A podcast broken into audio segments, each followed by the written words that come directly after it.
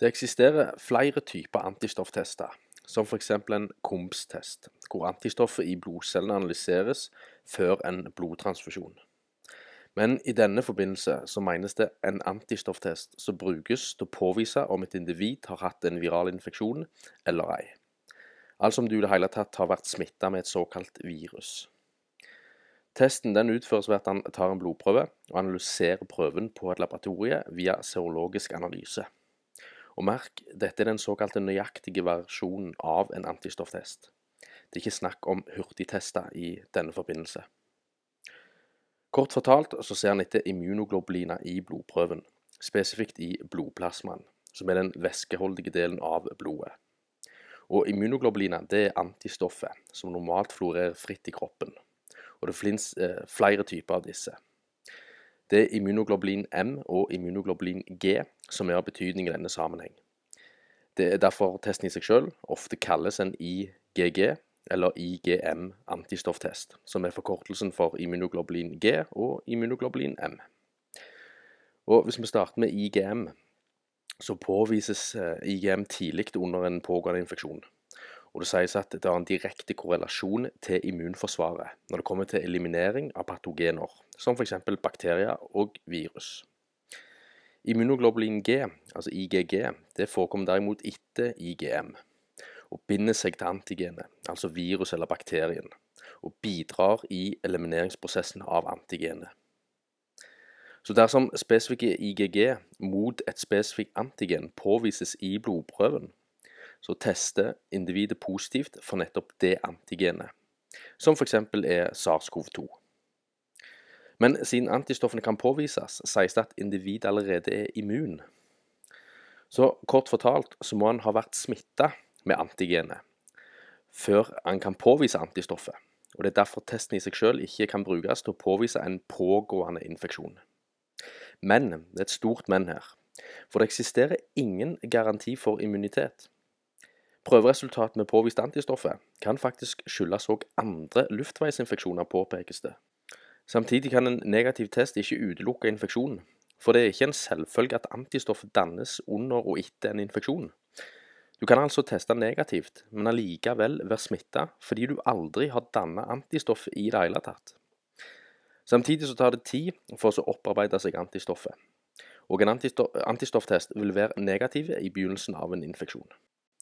Det er derfor det praktiseres at minst to uker skal gått før en antistofftest utføres, men gir ingen garanti.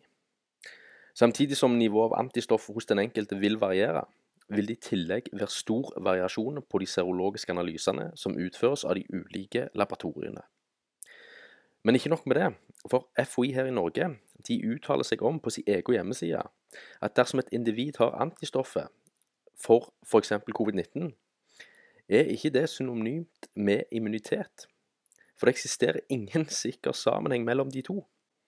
Altså dersom et individ er fullvaksinert, eller har vært smitta med viruset, så gir det i seg selv ingen beskyttelse mot å bli smitta på ny, uavhengig av arten virus. Allikevel så reklamerer FI for vaksinasjon, og har fra deres egne tall fått 86% av Norges voksne befolkning til å ta vaksina to ganger. En vaksine som per definisjon ikke er en vaksine, det er å definere som genterapi. Og denne genterapien står ingen produsent, myndighet eller statlig organ ansvarlig for dersom komplikasjoner akutt eller kronisk, inkludert dødsfall, inntreffer. En annen særdeles essensielle ting å forstå i denne sammenheng er at en antistofftest kun påviser antistoffet, aldri antigenet, altså viruset som er rotårsaken. Og som nevnt så menes det at dersom antistoffet påvises, er det synonymt med at et individ har vært smitta med antigenet. Men som jeg nettopp sa, og har tidligere påpekt i andre kjappiser, så er ikke spesifikke antistoffet mot et spesifikk antigen synonymt med infeksjon, uansett hvordan man vrir på det. Folk kan ha de eksakt samme antistoffene, bakterier og virus, uten å ha vært syk, uten å bli syk, og kommer heller aldri til å bli syk.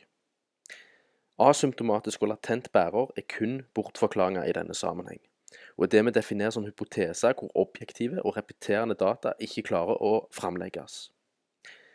Gode eksempler på dette er Wassermann-testen ved syfilis, eller antistoffet som kun skal ses ved f.eks. aids, som spesifikk P24 og P41. En skulle tro at etter så mange tiår, og med et skyhøyt eh, forbruk av penger på én og samme sykdom, at de i det minste hadde påvist spesifikke antistoffer til aids. Det er derimot påvist at rundt 60 uavhengige tilstander kan gi falsk positiv resultat ved bruk av antistofftest. Og dette er data som kommer fra tidligere observasjoner, hvor hensikten ikke har vært å studere testen i seg sjøl.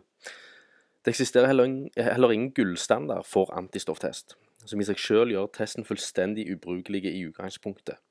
Og jeg kommer tilbake til det i en fremtidig skjerpes. Det må sies at menneskets oppfatning og forståelse for antistoffet, antigen, sykdom osv. er basert på immunforsvaret, et system som på ingen selvs måte er forstått.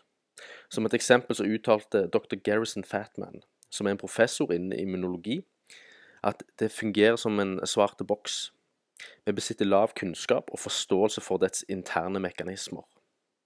Bare spør en eh, immunolog om hvordan et normalt immunsystem ser ut, hvordan det virker, og eventuelt hvorfor ikke. Jeg har ingen anelse om hvordan jeg skal svare på det spørsmålet, og jeg er immunolog. Ingen av oss kan svare på det, var hans svar. Et annet eksempel er dr. Mark Davis, direktør for The Institute for Immunology, Transplantation and Infection, som beskrev følgende Immunsystemet er et system med fryktelig mange bevegelige deler, og vi vet ikke hva det meste av det gjør, eller burde gjøre. Når det er sagt, allikevel er vi så sikre i vår konklusjon og praktisering rundt infeksjonssykdom, for ikke å snakke om fysisk og psykisk helse generelt. Så man kan jo spørre seg sjøl hvem er det egentlig som konspirerer?